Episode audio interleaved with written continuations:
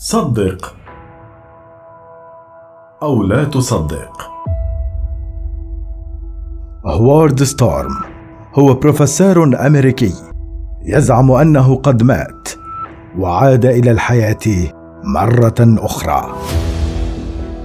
حظيت قصة البروفيسور الأمريكي هوارد ستورم بتغطية إعلامية كبيرة في تسعينيات القرن الماضي وذلك لما ادعاه من موت أثناء تواجده في المستشفى ثم العودة بعد ذلك إلى الحياة الطبيعية. هذا وقد تم تصديق ما قاله الدكتور هوارد من قبل الكثيرين نظرا لما كان يتمتع به من مصداقية كما أن التفاصيل التي رواها عند استفاقته لم تكن تحمل ابدا أي شبهة جنون أو كذب أو حتى هلوسة. هوارد ستورم أستاذ جامعة أمريكية من مواليد عام 1944 من أسرة كادحة.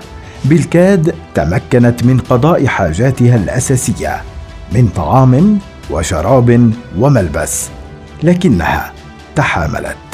حتى تمكنت من توفير تعليم جيد لأبنائها الثلاثة إلا أنه لم يستغل أحدا منهم هذه الفرصة عدا بطل قصتنا. هوارد ستورم تفانى في دراسته وتدرج في المراتب العلمية حتى أصبح استاذا جامعيا مرموقا إلا أن كل ذلك لم يمنحه الشهرة حتى منحتها له حادثة العودة من الموت التي وقعت له نهاية عام 1988 بالرغم من أنه كان مشهودا له بالأخلاق الحميدة. إلا أنه كان عصبيا للغاية وكان يثار من أي شيء وعلى أقل شيء إضافة إلى الشيء الأهم في الأمر وهو أنه كان ملحدا. لا يؤمن بوجود أي دين. كان الدكتور هوارد ستورم خارجا في رحلة ترفيهية مع طلابه وأصدقاء جامعة كانتاكي الغربية التي كان يعمل بها. كان ذلك في الصباح وقد كان كل شيء طبيعي لدرجة كبيرة إلا أن هوارد قد سقط فجأة مغشيا عليه دون أي سبب. وعلى الفور تم نقله إلى أقرب مستشفى ليتم تشخيص حالته. فكان لابد من إجراء جراحة عاجلة لكن للحظ السيء كان هذا اليوم هو العطلة الرسمية للفريق الطبي المسؤول عن هذا النوع من الجراحات. لذلك تم تأجيل جراحة هوارد إلى اليوم التالي ليلقى بذلك مصيره المكتوب ويذهب في رحلته التاريخية إلى الموت. كان هوارد ستورم يعاني من آلام شديدة في كافة جسده حتى يقال بأنه قد صرخ عندما عرف بأن الجراحة سوف تتأجل إلى اليوم التالي.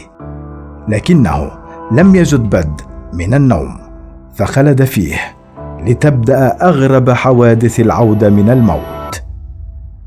في البداية يقول هوارد أنه عندما نام استيقظ مرة أخرى وقام من موضعه كأن شيئا لم يكن بل إنه شعر بحيوية غريبة يزعم أنه لم يشعر بها من قبل.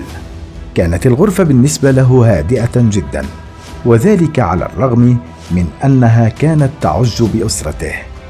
يزعم هورد كذلك أنه أخذ يتكلم معهم لكن احدا منهم لم يستمع له أو يلتفت إليه من الأساس حتى أدرك أن شيئا ما خاطئ يحدث. وقد تأكد حدثه عندما سمع ذلك الصوت. صوت من عالم آخر.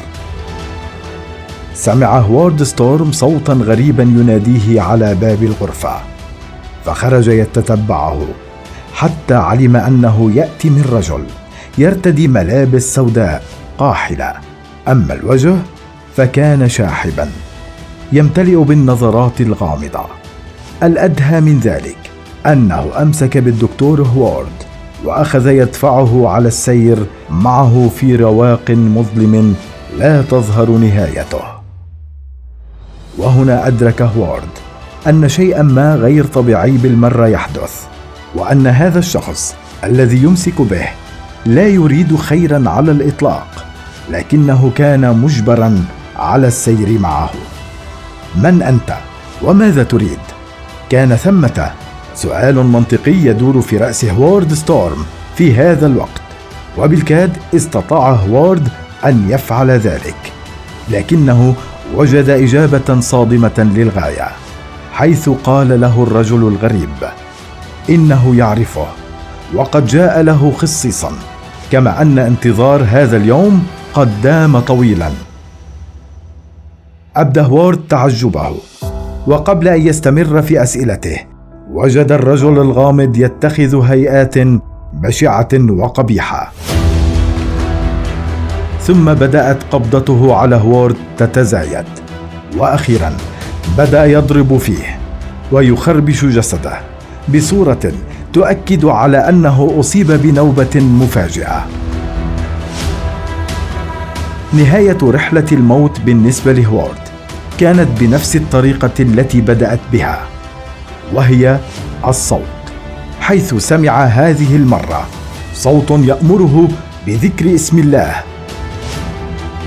وما إن استجاب هوارد لهذا النداء حتى بدأت الكائنات المخيفة التي ازدادت تتلاشى من حوله وعاد كل شيء إلى طبيعته مرة أخرى.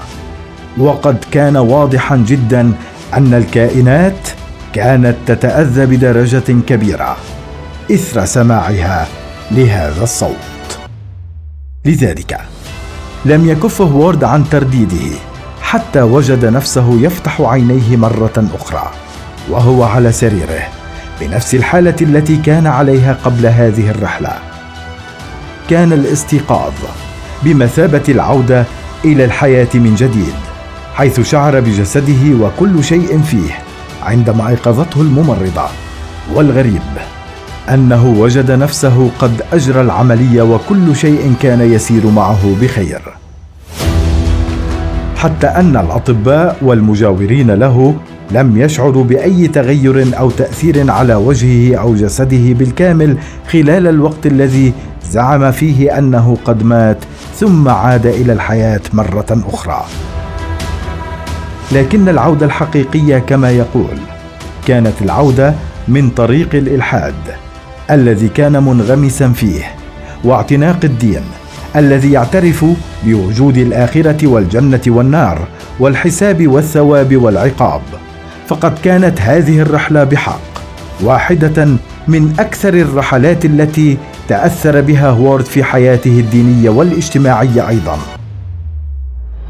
مع انتشار قصة موت الدكتور هوارد ستورم وعودته للحياة مجددا بدأت الصحافة والأخبار تتسلط عليه وبدأ الجميع يهتم بمعرفة أخباره وما يحدث معه بعد هذه التجربة المثيرة. فقد ظل هوارد لفترة كبيرة أشبه بضيف دائم على البرامج التلفزيونية والصحف كما قد قام أيضا بتأليف كتاب لخص فيه قصته وما تعرض له خلال التجربة. فكانت هذه الحادثة سببا.